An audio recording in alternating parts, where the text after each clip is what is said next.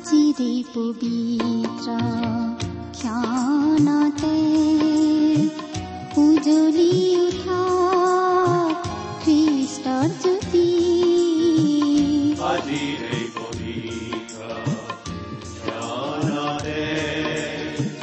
উজ্বলি উঠা খ্ৰীষ্টৰ জ্যোতি আকাশ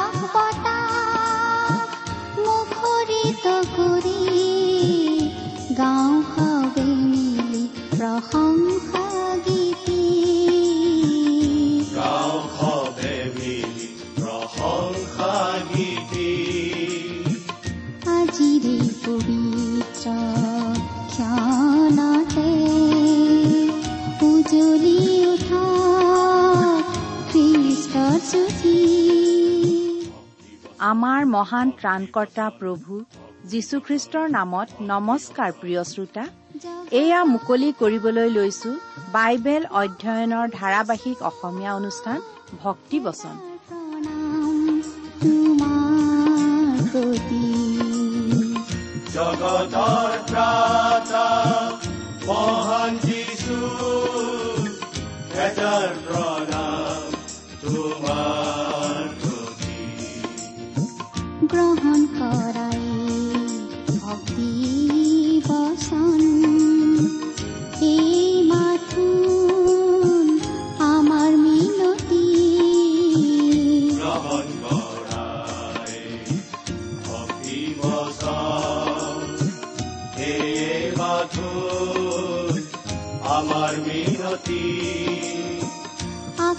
আকাশ বতাহ মুখৰিত কৰি গাঁও সবে মিলি প্ৰশংসা গীতি। গাঁও সবে মিলি প্ৰশংসা গীতি। আমাৰ মহান ত্ৰাণকৰ্তা প্ৰভু যীশুখ্ৰীষ্টৰ নামত নমস্কাৰ প্ৰিয় শ্ৰোতা। আশা কৰো আপুনি ভালে কুশলে আছে। প্ৰিয় শ্ৰোতা আপুনি বাৰু আমাৰ এই ভক্তিবচন অনুষ্ঠানটো নিয়মিতভাৱে শুনি আছেনে?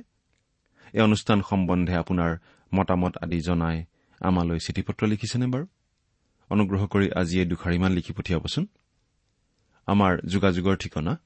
ভক্তিবচন টি ডাব্লিউ আৰ ইণ্ডিয়া ডাক পাকচ নম্বৰ সাত শূন্য গুৱাহাটী সাত আঠ এক শূন্য শূন্য এক। ঠিকনাটো আৰু এবাৰ কৈছো ভক্তিবচন টি ডাব্লিউ আৰ ইণ্ডিয়া ডাক পাকচ নম্বৰ সাত শূন্য গুৱাহাটী সাত আঠ এক শূন্য শূন্য এক। আহকচোন আজিৰ বাইবেল অধ্যয়ন আৰম্ভ কৰাৰ আগতে খন্তেক প্ৰাৰ্থনাত মূৰ দুৱাওঁ আমি প্ৰাৰ্থনা কৰো। স্বৰ্গত থকা অসীম দয়ালু কৰুণাময় পিতা তোমাৰ তুলনা নাই তোমাৰ প্ৰেম তোমাৰ কৰুণা তোমাৰ অনুগ্ৰহৰ কথা আমি বৰ্ণনা কৰি শেষ কৰিব নোৱাৰো। প্ৰভু যীশুৰ যোগেদি তুমি আমালৈ যি অনুগ্ৰহ দেখুৱালা তাৰ বাবে তোমাক অশেষ ধন্যবাদ পিতা। এতিয়া আমি তোমাৰ মহান বাক্য বাইবেল শাস্ত্ৰ অধ্যয়ন কৰিবলৈ আগবাঢ়িছো। তোমাৰ বাক্য তুমিয়েই আমাক বুজাই দিয়া। এই অনুষ্ঠানৰ আৰম্ভণিৰ পৰা শেষলৈকে তুমিয়েই আমাৰ চলাওঁতা হোৱা। অনুষ্ঠান শুনি থকা প্ৰতিজন শ্ৰোতাৰ জীৱনত তোমাৰ মহান অনুগ্ৰহৰ আশীৰ্বাদ প্ৰকাশ পাই উঠিবলৈ দিয়া। কিয়নো এই প্ৰাৰ্থনা আমাৰ মহান ত্ৰাণকৰ্তা প্ৰভু যীশুখ্ৰীষ্টৰ নামত আগবঢ়াইছো। প্ৰিয় শ্ৰোতা আমি আজি কিছুদিন ধৰি বাইবেলৰ পুৰণি নিয়ম খণ্ডৰ জিহিচকেল ভাওবাদীৰ পুস্তকখন অধ্যয়ন কৰি আছো নহয়নে বাৰু? যোৱা অনুষ্ঠানত আমি এই জিহিচকেল পুস্তকখনৰ চৌত্ৰিশ নম্বৰ অধ্যায়ৰ এক নম্বৰ পদৰ পৰা ষোল্ল নম্বৰ পদলৈকে পঢ়ি আলোচনা আগবঢ়াইছিলো নহয়নে বাৰু? আজিৰ অনুষ্ঠানত আমি এই জিহিচকেল পুস্তকখনৰ চৌত্ৰিশ নম্বৰ অধ্যায়ৰ সোতৰ নম্বৰ পদৰ পৰা আলোচনা আগবঢ়াই নিব খুজিছো। এই পুস্তকখন হৈছে এখন ভাৱবাণীমূলক পুস্তক। ঈশ্বৰে জিহিচকেল ভাওবাদীক দেখুওৱা কিছুমান দৰ্শনৰ কথা তেওঁৰ যোগেদি জনাই দিয়া কিছুমান ভাৱবাণী বা ভৱিষ্যৎবাণীৰ কথা আমি পাওঁ। কিন্তু ভাৱবাণীমূলক পুস্তক হলেও ইয়াৰ যোগেদি আজি আমি শিকিবলগীয়া অনেক কথা আছে। যোৱা অনুষ্ঠানত আমি পঢ়িবলৈ পাইছিলো সজ মেৰ ৰখীয়াৰ কথা। ঈশ্বৰে নিজকে সজ মেৰ ৰখীয়া বুলি কৈছে। আৰু সজ মেৰ ৰখীয়াই অতি নিষ্ঠাৰে অতিশয় কৰ্তব্য পৰায়ণতাৰে অতিশয় মৰমেৰে নিজৰ মেৰৰ জাকটো প্ৰতিপালন কৰাৰ নিচিনাকৈ তেওঁ ইছৰাইল জাতিক প্ৰতিপালন কৰিব যত্ন ল'ব প্ৰতিৰক্ষা দিব বুলি জনাইছে। আজিও আমি সেই বিষয়টোৱেই চলি থকা পাম চৌত্ৰিশ নম্বৰ অধ্যায়ৰ বাকী থকা পদকেইটাত। আহক এতিয়া আমি বাইবেলৰ পৰা চাই যাওঁ। চৌত্ৰিশ নম্বৰ অধ্যায়ৰ সোতৰ নম্বৰ পদৰ পৰা ঊনৈশ নম্বৰ পদলৈকে পাঠ কৰি দিছো। আৰু হে মোৰ ভেড়াৰ জাক তোমালোকৰ বিষয়ে হলে প্ৰভু জীহুৱাই এই কথা কৈছে। চোৱা মই এটা এটাকৈ ভেড়াৰ জাকৰ বিচাৰ কৰিম মতা ভেড়া আৰু মতা ছাগৰ সমানে বিচাৰ কৰিম। এয়ে তোমালোকৰ মানত সামান্য বিষয় নে যে তোমালোকে উত্তম ঘাঁহনিত চৰিছা? আকৌ তোমালোকৰ চৰণীয়াৰ অৱশিষ্ট ঘাঁহ তোমালোকৰ ভৰিৰে গচকিছা? আৰু নিৰ্মল জল পান কৰি তোমালোকৰ ভৰিৰে অৱশিষ্ট ভাগ ঘোলা কৰিছা? মোৰ ভেড়াবোৰে হলে তোমালোকে তোমালোকৰ ভৰিৰে গছকা ঘাঁহহে খাবলৈ পায়। তোমালোকৰ ভৰিৰে ঘোলা কৰা পানীহে পান কৰিবলৈ পায়।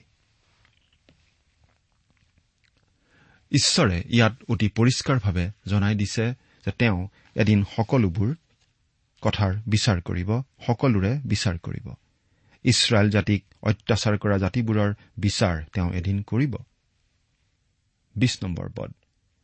এই হেতুকে প্ৰভু জীহুৱাই তেওঁবিলাকক এইদৰে কৈছে মই ময়েই হৃষ্টপুষ্ট আৰু ক্ষীণ ভেড়াবোৰৰ মাজত বিচাৰ কৰিম।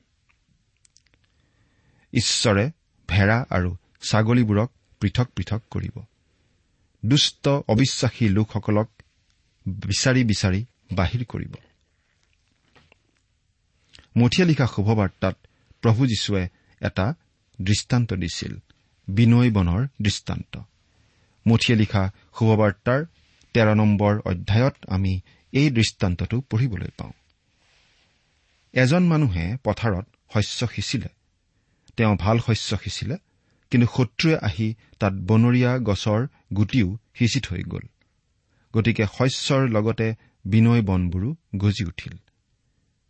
তেওঁৰ চাকৰবোৰে কলে আমি সেই বিনয় বনবোৰ উভালি পেলাওঁ। তেতিয়া মানুহজনে কলে এতিয়া সেইবোৰত হাত নিদিবা। শস্যৰ লগতে বিনয় বনবোৰো গজি উঠি বাঢ়িবলৈ দিয়া। শস্য দাবৰ সময়ত মই সেইবোৰক আচল শস্যৰ পৰা পৃথক কৰি বাছি উলিয়াম। এৰা আমি আনন্দ পোৱা উচিত যে পৃথক কৰি বাছি উলিওৱাটো প্ৰভু যীশুৱেহে কৰিব। সেইটো তেওঁৰহে কাম। কেতিয়াবা কিন্তু আমি নিজে এই কামটো কৰিব খোজো। এজন বিখ্যাত বাইবেল শিক্ষকে এনেদৰে কৈছিল কেতিয়াবা মোৰ ওচৰলৈ কোনোবা মানুহ আহি কয় অমুকা বাৰু প্ৰকৃত খ্ৰীষ্টীয় বিশ্বাসী বুলি আপুনি ভাবেনে? তেতিয়া মই উত্তৰ দিওঁ মই নাজানো। সেইটো প্ৰভু যীশুৱেহে বিচাৰ কৰিব। সেইটো মোৰ কাম নহয় সেইটো প্ৰভু যীশুৰহে কাম। কোনবোৰ তেওঁৰ নিজৰ লোক কোনবোৰ নহয় সেই কথা প্ৰভু যীশুহে ভালদৰে জানে আৰু একমাত্ৰ তেওঁই জানে। আজি পৃথিৱীত মন্দ লোকসকলে টিঘিল ঘিলাই ফুৰিছে। কিন্তু এদিন তেওঁলোকৰ বিচাৰ হ'ব ভেড়া ছাগলীৰ পৰা ছাগলীবোৰ পৃথক কৰা হ'ব। শস্যৰ পৰা বিনয় বনবোৰ পৃথক কৰি জুইত জাহ দিয়া হ'ব। আজি আমাৰ বাবে প্ৰশ্ন হৈছে আমি ঈশ্বৰৰ শস্য নে আমি বিনয় বন? আমি মেৰ ছাগলী নে ছাগলী? এতিয়া একৈশ নম্বৰ পদৰ পৰা চৌব্বিছ নম্বৰ পদলৈকে পাঠ কৰি দিম। তোমালোকে দুৰ্বলবোৰক বাহিৰ কৰি ছিন্ন ভিন্ন নকৰালৈকে কোষেৰে আৰু কান্ধেৰে ঠেলা আৰু শিঙেৰে আটাইকে খোচা। এই নিমিত্তে মই মোৰ ভেড়াৰ জাকক ৰক্ষা কৰিম। সেইবোৰ আৰু লুটদ্ৰব্য নহ'ব আৰু মই এটা এটাকৈ ভেড়াৰ জাকৰ বিচাৰ কৰিম আৰু মই সেইবোৰৰ ওপৰত এজন মাত্ৰ ৰখীয়া মোৰ দাস ডায়ুদক নিযুক্ত কৰিম। তেওঁ সেইবোৰক প্ৰতিপালন কৰিব। তেওঁই সেইবোৰক প্ৰতিপালন কৰি সেইবোৰৰ ৰখীয়া হ'ব। মই জিহুৱাই মোৰ লোকবিলাকৰ ঈশ্বৰ হ'ম আৰু মোৰ দাস ডায়ুদ তেওঁবিলাকৰ মাজত অধিপতি হ'ব ইয়াক মই জিহুৱাই কলো। কিছুমান লোকে বিশ্বাস কৰে যে ইছৰাইল জাতিৰ অনন্তকলীয়া ঘৰ হ'ব এই পৃথিৱীখনেই আৰু অনন্তকাল ধৰি তেওঁলোকৰ ৰজা হ'ব ডায়ুদ ডায়ুদ প্ৰভু যীশুৰ সহকৰ্মী হ'ব। কিন্তু খ্ৰীষ্টীয় মণ্ডলী অনন্তকালৰ বাবে থাকিব নতুন জিৰচালেমত প্ৰভু যীশুৰ লগত। প্ৰভু যীশুৱে প্ৰতিজ্ঞা কৰি কৈছে যে তেওঁ আকৌ আহিব আৰু খ্ৰীষ্টীয় মণ্ডলীক পৃথিৱীৰ পৰা লৈ যাব যাতে খ্ৰীষ্টীয় মণ্ডলী তেওঁৰ লগত চিৰদিনলৈ থাকিবলৈ পায়। এই বিষয়ে আমি পঢ়িবলৈ পাওঁ জোহনে লিখা শুভবাৰ্তা চৈধ্য নম্বৰ অধ্যায়ৰ তিনি নম্বৰ পদত। অনন্তকলীয়া যুগত যেতিয়া প্ৰভু যীশু এই পৃথিৱীলৈ আহিব তেওঁৰ লগত খ্ৰীষ্টীয় মণ্ডলীও আহিব। কিন্তু কিছুদিনৰ বাবেহে এই পৃথিৱী আমাৰ ঘৰ নহয় আৰু ভৱিষ্যতেও নহ'ব। এই পৃথিৱীত বৃহৎ বৃহৎ ঘৰ সাজি একো লাভ নাই। ভৱিষ্যতে সেইবোৰৰ পৰা আমাৰ একো লাভ নহ'ব।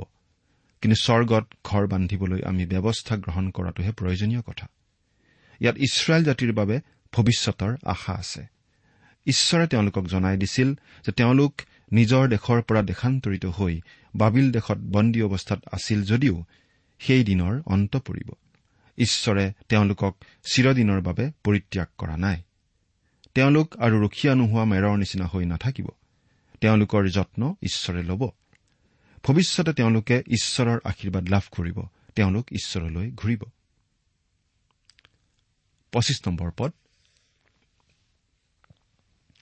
আৰু মই তেওঁবিলাকৰ লগত এটি শান্তিৰ নিয়ম স্থাপন কৰিম আৰু দেশৰ পৰা হিংসক জন্তুবোৰ দূৰ কৰিম। তাতে তেওঁবিলাকে অৰণ্যত নিৰ্ভয়ে বাস কৰিব আৰু কাঠনিত টোপনি যাব।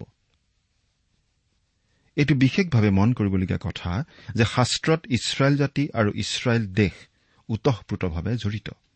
যেতিয়া মানুহখিনি ঠিকে থাকে যেতিয়া মানুহখিনিয়ে ঈশ্বৰৰ প্ৰতি বাধ্যতা প্ৰদৰ্শন কৰি চলে তেতিয়া দেশখনেও আশীৰ্বাদ পায়।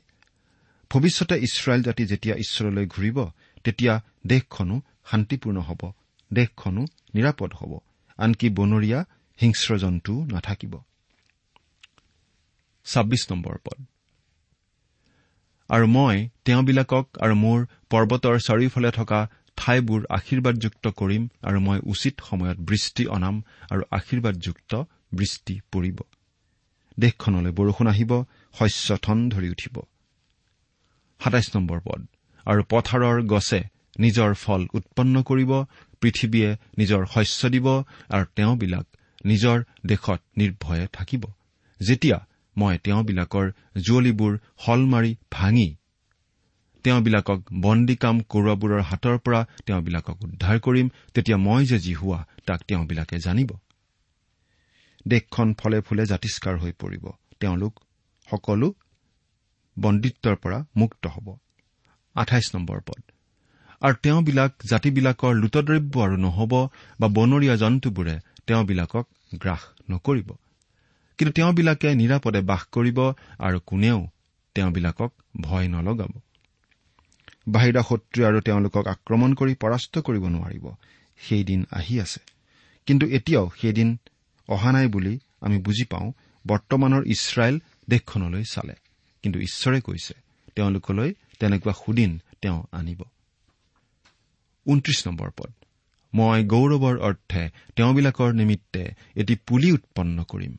তেওঁবিলাক দেশত আকালৰ দ্বাৰাই আৰু বিনষ্ট নহ'ব বা জাতিবিলাকে দিয়া লাজ তেওঁবিলাকে আৰু ভোগ নকৰিব।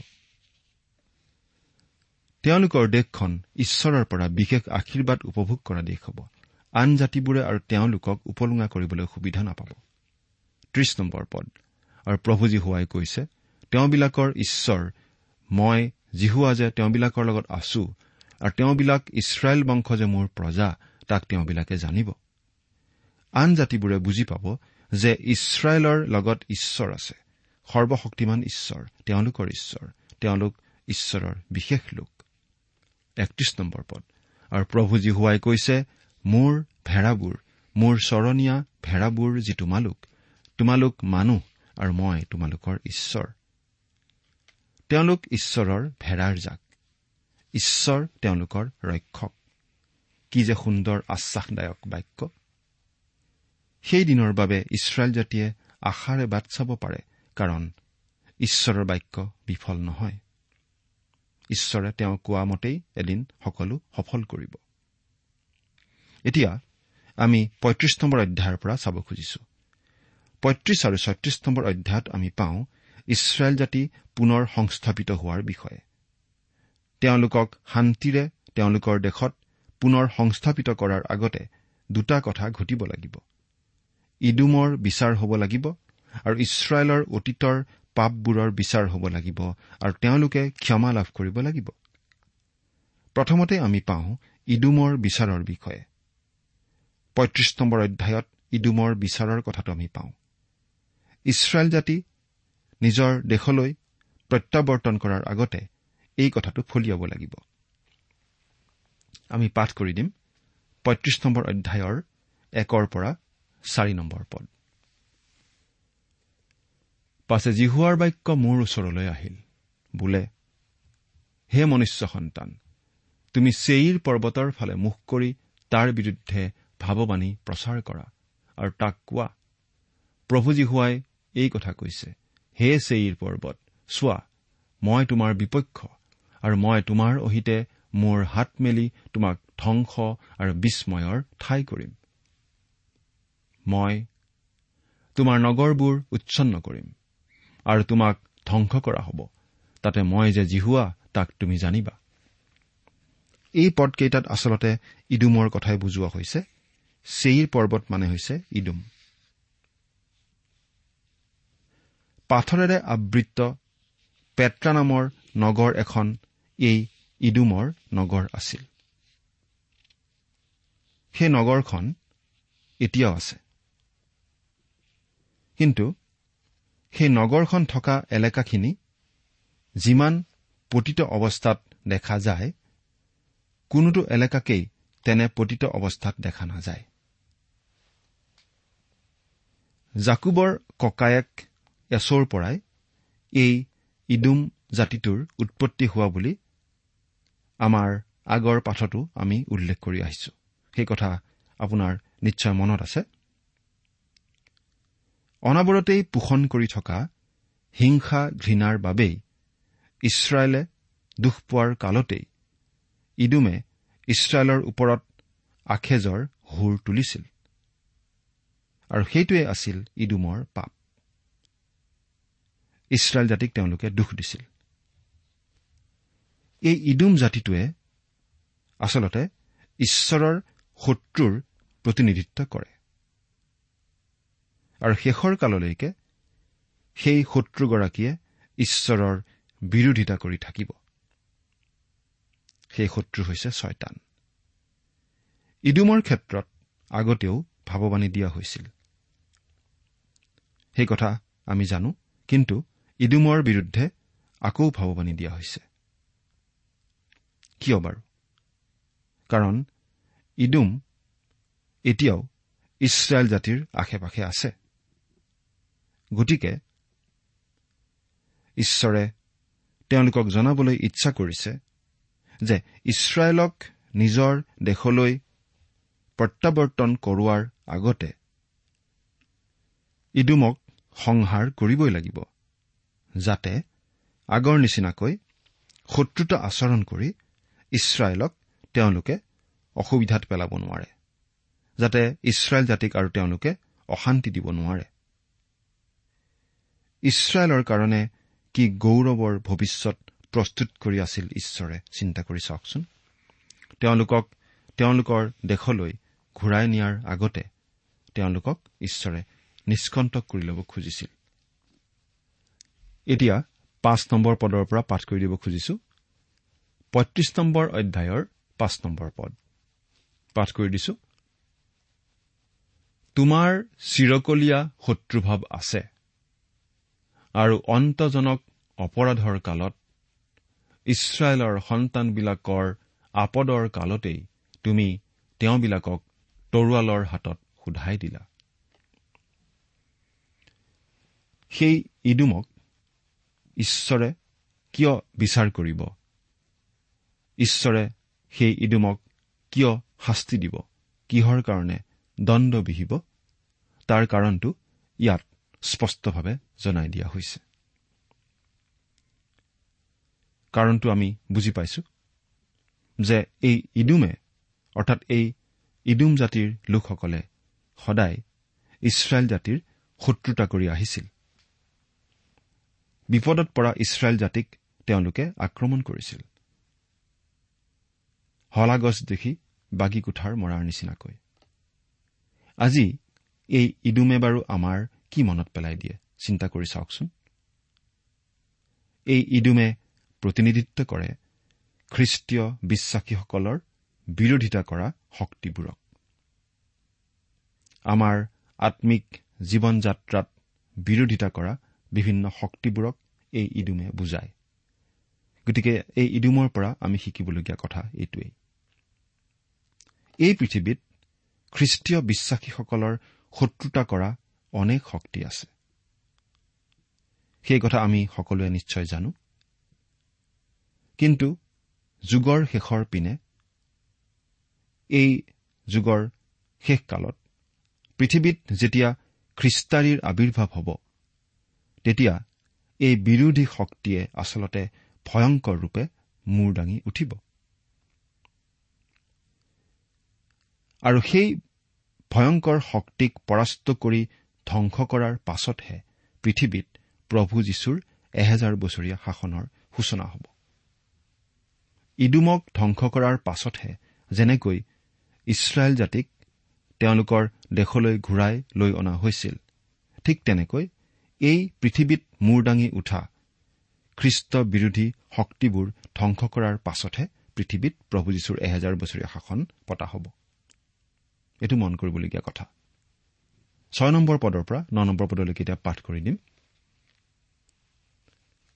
এই নিমিত্তে প্ৰভুজী হোৱাই কৈছে মোৰ জীৱনৰ শপত মই তোমাক ৰক্তময় কৰিম আৰু ৰক্তই তোমাৰ পাছে পাছে খেদি যাব।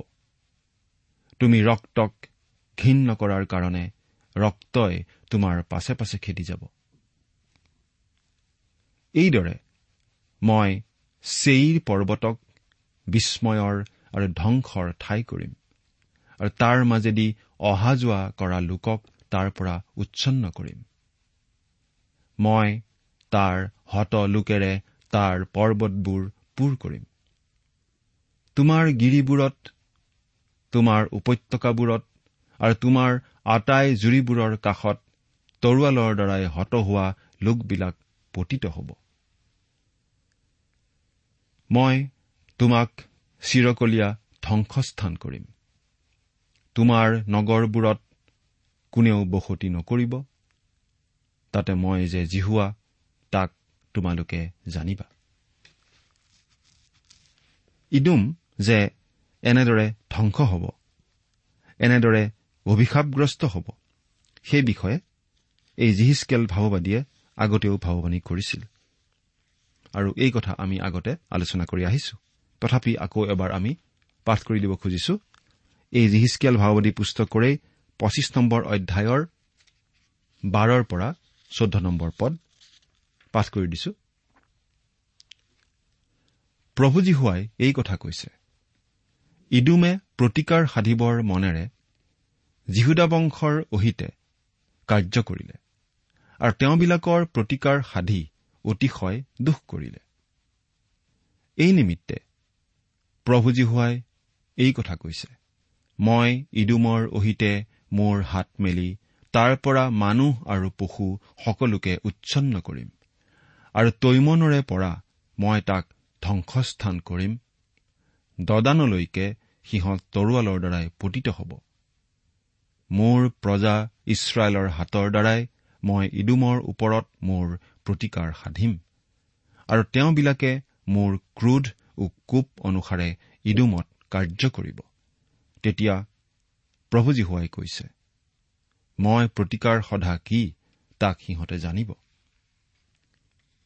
সেই একেখিনি কথা ইয়াত আকৌ কিয় উল্লেখ কৰা হৈছে বাৰু?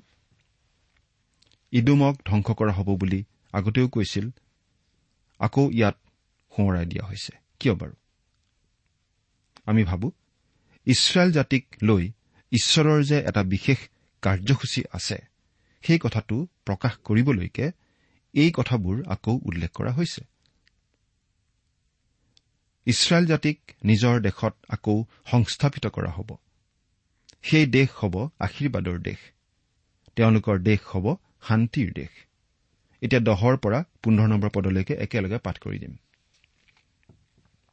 তুমি কলা সেই দুই জাতিৰ মাজত আৰু সেই দুখন দেশত জিহুৱা থাকিলেও সেইবোৰ মোৰেই হ'ব আৰু আমি সেইবোৰ অধিকাৰ কৰিম।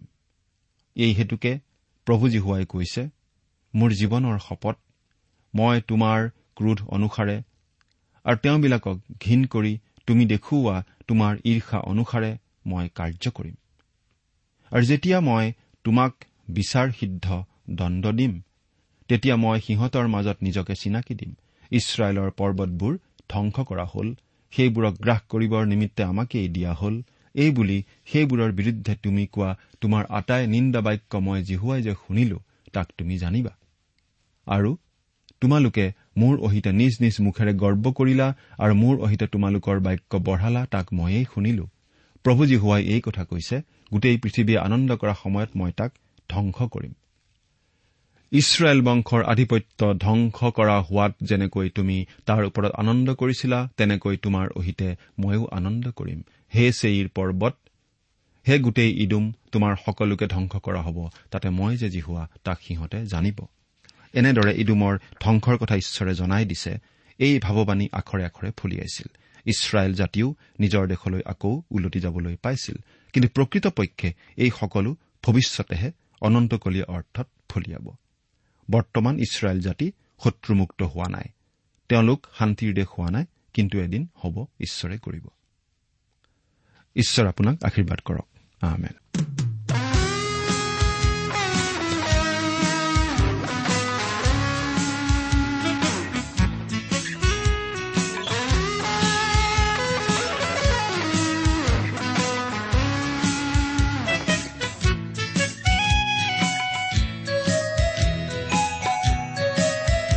যিছু তোমাৰ অবিহনে আজি মোৰ জীৱন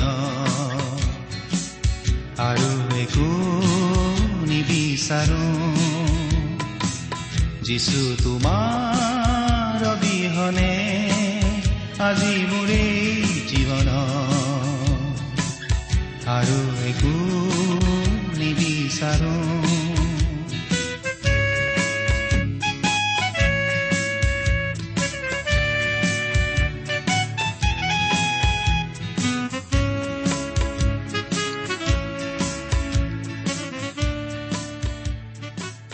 ইমান পৰে আপুনি ভক্তিবচন অনুষ্ঠানটি শুনিলে।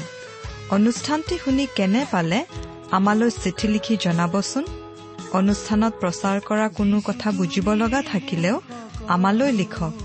আমাৰ ঠিকনা ভক্তিবচন টি ডাব্লিউ আৰ ইণ্ডিয়া ডাক পাকচ নম্বৰ সাত শূন্য গুৱাহাটী সাত আঠ এক শূন্য শূন্য এক। ঠিকনাটো আৰু এবাৰ কৈছো ভক্তিবচন টি ডাব্লিউ আৰ ইণ্ডিয়া ডাক পাকচ নম্বৰ সাত শূন্য গুৱাহাটী সাত আঠ এক শূন্য শূন্য এক। আপুনি ইমেইল যোগেৰেও আমাৰ সৈতে যোগাযোগ কৰিব পাৰে। আমাৰ ইমেইল আইডিটো হৈছে Assamese T TV at radio' eight eight two dot com আইডিটো আকৌ এবাৰ কৈছো। Assamese T TV at radio' eight eight two dot com আপুনি টেলিফোনৰ মাধ্যমেৰেও আমাক যোগাযোগ কৰিব পাৰে। আমাৰ টেলিফোন নম্বৰটো হৈছে শূন্য তিনি ছয় এক দুই ছয় শূন্য চাৰি ছয় সাত এক। ফোন নম্বৰটো আকৌ এবাৰ কৈছো zero' three six one two six zero' four six seven one. আজিৰ অনুষ্ঠানটি ইমানতে সামৰিছো। ঈশ্বৰৰ শান্তি আৰু অনুগ্ৰহ আপোনাৰ লগত থাকক। ধন্যবাদ। জীৱনৰ দুখ যাতনাবোৰ প্ৰতিদিনে বহন কৰা অসহনীয় বুজাব সেয়েহে কেনেকৈ যিছু তোমাৰ প্ৰেমতে থাকো। সেয়েহে কেনেকৈ যিছু তোমাৰ প্ৰেমতে থাকো। যিছু আজি মোৰে জীৱন আৰু একো নিবিচাৰো যিছু তোমাৰ অবিহনে আজি মোৰে